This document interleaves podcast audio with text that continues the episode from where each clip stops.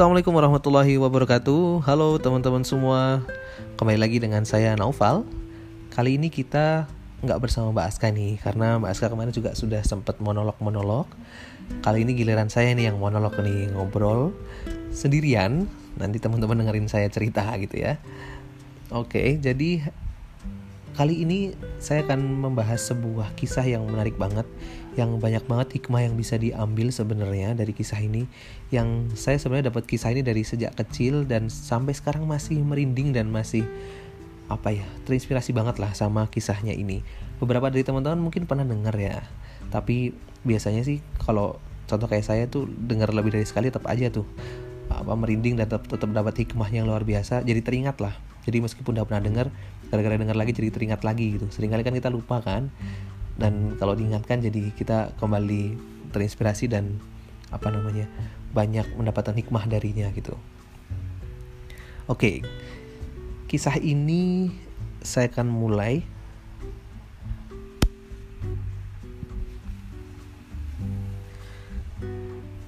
Kisah ini adalah kisah seorang pemuda yang suatu hari dia sedang kelaparan gitu ya, perutnya sangat kosong karena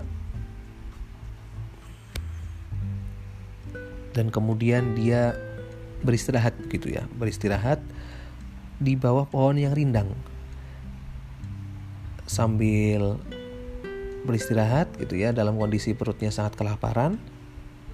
Eh tahu-tahu gitu ya di tepi sungai dekat si dekat dia beristirahat begitu ada sebuah buah delima yang tahu-tahu hanyut lewat di tengah sungai itu.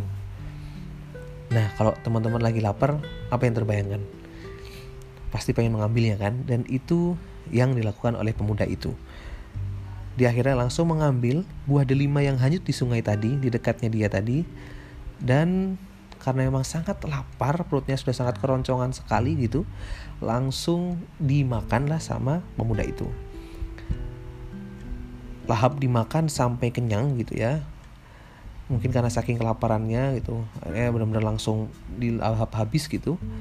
Tapi setelah itu dia baru nyadar gitu eh ini buah dari mana ya? Dia berpikir bahwa buah yang dimakannya ini kan nggak jelas sebenarnya asal usulnya. Dia nggak tahu nih sebenarnya dia berhak nggak uh, memakan buah itu gitu. Saking laparnya mungkin dia nggak mikir ya dari awalnya terus setelah makan dia baru sadar gitu. Dia takutnya yang punya buah ini gitu ya sang pemiliknya itu nggak ridho gitu ya nggak ikhlas nggak merestui gitu apa yang sudah dilakukannya gitu. Tidak merestui kalau buahnya itu dimakan sama pemuda itu. Nah karena merasa menyesal gitu ya karena merasa bersalah karena belum tahu ini sebenarnya udah boleh dimakan sama dia atau belum dia cari pemilik dari buah delima itu. Dengan harapan uh, minta izin gitu ya mohon maaf gitu ya berharap restu atau keikhlasan gitu dari si pemilik buah itu. Muda itu keliling-keliling gitu ya keliling-keliling mencari uh, kira-kira buah ini berasal dari mana akhirnya nemu sebuah perkarangan uh, di mana ada buah delima di situ gitu ya ada rumah dan ada buah delima di situ. Pepohonan buah delimanya maksudnya ya. Sejauh yang dia ketahui nggak ada lagi perkarangan rumah dan yang punya uh, pohon buah delima gitu. Cuma ada di situ nih yang ada pohon buah delimanya gitu. maka dia berpikir kayaknya memang di sini nih.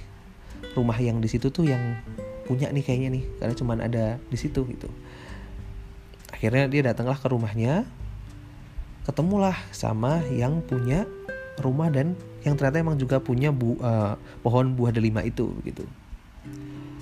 Akhirnya uh, si pemuda itu biasalah ya uh, pengen apa namanya membuka percakapan terus akhirnya meminta maaf itu ya uh, meminta ridho meminta keikhlasan. Mohon maaf karena tadi kondisinya lapar sekali saya terpaksa makan dan mungkin karena sangat lapar tidak terpikirkan uh, ini punya siapa? gitu ya. Jadi langsung makan aja. Eh ternyata yang punya rumah bilang bahwa eh nggak semudah itu gitu ya. Nggak semudah itu. Kalau memang mencari kehalalan buah delima yang sudah kamu makan ada syaratnya gitu ya. Kalau bahasa anak sekarang tidak semudah itu Ferguson gitu ya. Ada syaratnya nih kalau pengen buahnya bisa halal kamu makan. Bisa dianggap halal yang kamu makan gitu ya semudah itu akhirnya nanya kan memang syaratnya apa apa syarat itu nah akhirnya si pemilik buah delima tadi bilang begini untuk menghalalkan buah delima yang kamu makan kamu harus mengaji sekaligus menjadi pelayanku selama 2 tahun. Sanggup? Wah, mesti kalau kita di posisi pemuda itu bingung ya. Sama, pemuda itu juga bingung banget tuh, bimbang gitu ya. Gara-gara sebuah delima yang tidak minta izin sebelumnya, dia harus menjadi pelayannya selama 2 tahun dan mengaji juga gitu. Itu waktu yang tidak sebentar itu ya, 2, 2 tahun. Tapi kebimbangan pemuda itu kalah nih sama rasa apa ya rasa, uh, rasa tanggung jawabnya dia gitu ya tekadnya dia untuk membuat buah yang dia makan itu menjadi halal. Begitu luar biasa dia integritasnya pemuda ini begitu. Akhirnya diiakan syaratnya dan mulailah dia uh, mengaji dan menjadi pelayan pemilik buah tadi selama dua tahun. Dua tahun berlalu Eh, penuh suka dan duka gitu ya sudah dilakukan dengan luar biasa. Ternyata memang pemuda itu berhasil membuat pemilik apa namanya buah tadi itu kagum karena istilahnya uh, punya catatan rapor yang bagus gitu ya dua tahun ini berhasil melakukan pelayanan atau pekerjaan dengan sangat baik gitu. Sangat kagum lah ini pemilik buah delima tadi dengan pemuda itu gitu ya. Terkesan sekali dengan kecerdasannya dengan akhlaknya karakternya dan sebagainya. Nah karena telah selesai ini karena apa namanya sudah selesai dua tahun dan pemuda juga merasa sudah sebaik mungkin menjalankan kewajibannya tanggung jawabnya sesuai syarat begitu akhirnya bertanyalah kembali gitu kepada sang pemilik buah delima tadi tapi ternyata eh, tuan rumah tadi atau orang yang punya buah deli, buah delima tadi justru tetap bergeming gitu ya tetap kemudian tidak memberikan isyarat langsung menghalalkan gitu malah memberikan syarat tambahan gitu. bayangkan udah selesai gitu ya udah dua tahun ditunggu selama itu eh di akhir malah minta memberikan syarat tambahan itu syaratnya apa jadi sang tuan rumah ini memberi syarat yaitu menikahlah dengan putriku yang buta, tuli, bisu, dan lumpuh. Bayangkan. Ini udah kayak apa ya? Sudah jatuh tertimpa tangga gitu ya. Jadi itu masih shock sekali tuh. Demi sebuah apel, kok apel sih? Demi sebuah delima agar bisa halal yang telah dimakannya. Cuman buah delima mungkin kalau kita ngelihatnya ya. Dan sudah rela harus dua tahun gitu ya demi itu eh sekarang malah disuruh menikah dengan putrinya yang buta tilu buta tuli bisu dan lumpuh gitu oh mungkin kalau dari kita bisa jadi kita udah emosi gitu ya udah oh gila ini masih aja gitu bahkan se apa ya se ekstrim itu gitu ya di bayangan kita juga mesti akan begitu. Pengen berontak gitu ya sudah beron sudah pikirannya sudah sudah kacau tuh sebenarnya. Cuman gimana ya kalah gitu. Sama rasa tanggung jawab dia yang besar sekali nih. Pemuda ini uh, masih apa ya ingin untuk kemudian mencari kehalalan dari bu kehalalan dari buah yang telah dia makan gitu. Jadi rasa pengen berontak tadi itu kalah nih dengan rasa tanggung jawab yang sangat besar ya. Berharap kehalalan dari buah yang telah ia makan.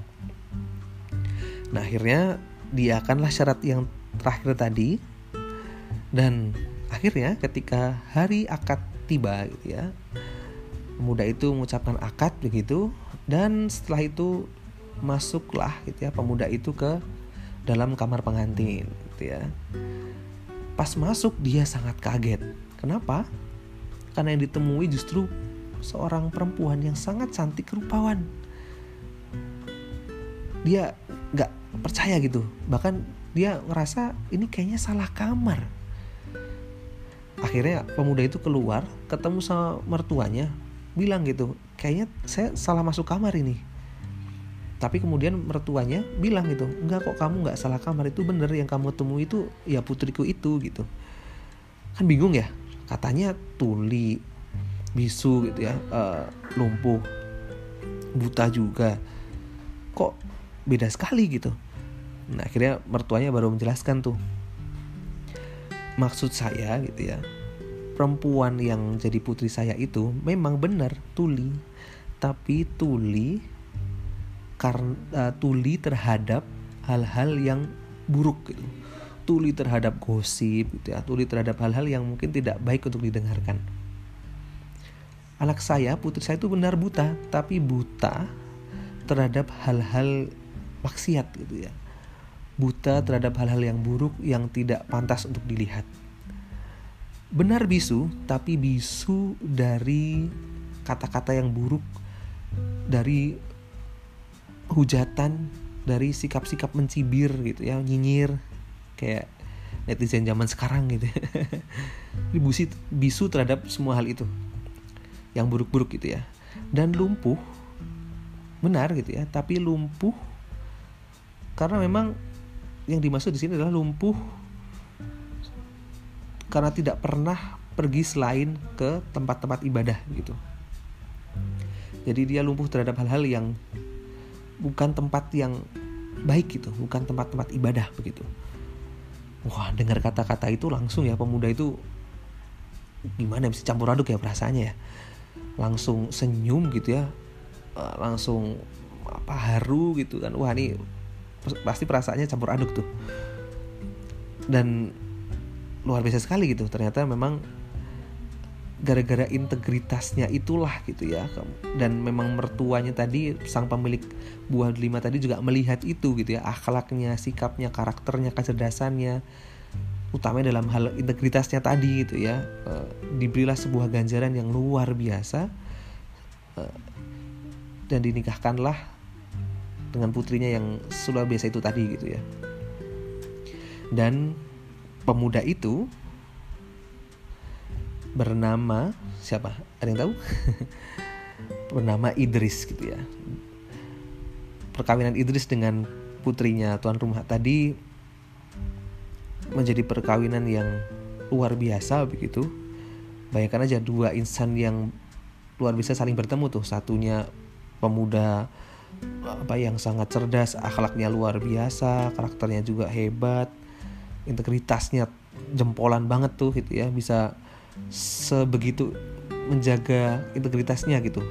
Hanya demi sebuah buah delima yang apa ya bisa dibilang sebenarnya dia nggak benar-benar sengaja gitu untuk mencurinya gitu ya. Dia hanya karena kelaparan tapi karena belum izin dia pengen nih bertanggung jawab atas tindakan itu gitu ya.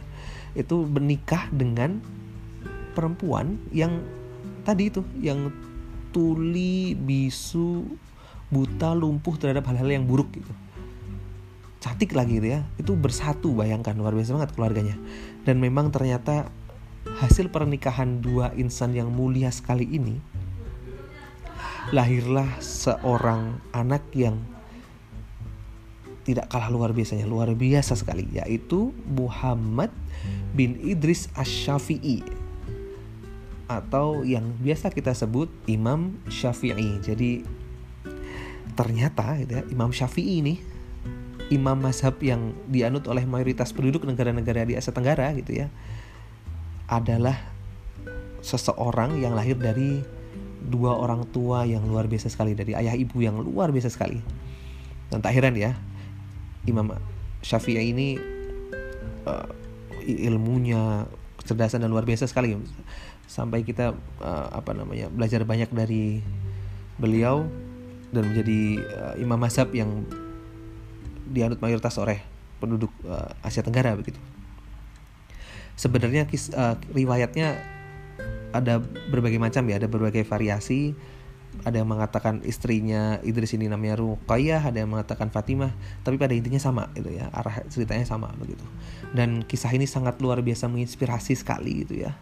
Uh, saya dengar cerita ini dari sejak kecil dan meskipun di usia sekarang saya baca cerita ini lagi saya masih terinspirasi gitu. Saya masih menikmati ceritanya begitu ya. Dan ini mengingatkan saya kembali gitu. Betapa luar biasanya kita ketika berhasil menjaga integritas itu. Betapa pentingnya kita menjaga integritas sebagai seorang muslim dan betapa luar biasanya di mata Allah gitu eh, bagaimana kita bisa menjaga integritas itu. Sesimpel memakan satu hal yang apa ya, tidak benar-benar dia sengaja gitu ya karena kelaparan dia aja se uh, beliau aja si pemuda tadi itu sebegitunya gitu. Harusnya ini menjadi sebuah refleksi buat kita. Jangan sampai uh, apa namanya kita meremehkan tuh hal-hal kecil tuh ya. Kan sering juga tuh uh, di negara kita mungkin ya korupsi masih banyak terjadi gitu kan. Itu bahkan triliunan rupiah miliaran rupiah. Ini sebuah apel aja dia sebegitunya gitu. Sampai rela dua tahun sampai rela harus menikah yang awalnya katanya begini-begini gitu. Itu udah bisa sekali gitu. Ini semoga jadi pembelajaran buat kita semua menjadi pengingat buat kita semua dan bisa diambil hikmahnya nih dari kisah tadi. Dan ini juga sekaligus mengingatkan saya juga nih gitu ya. Saya mungkin masih ada beberapa hal yang kurang baik saya jadi teringat kembali dan semoga juga bermanfaat buat teman-teman semuanya gitu ya. Mungkin cukup sekian dari saya episode kali ini. Semoga bisa diambil hikmah dan manfaatnya. Sampai jumpa di episode berikutnya bersama saya dan Aska Yahdian terima kasih. Assalamualaikum warahmatullahi wabarakatuh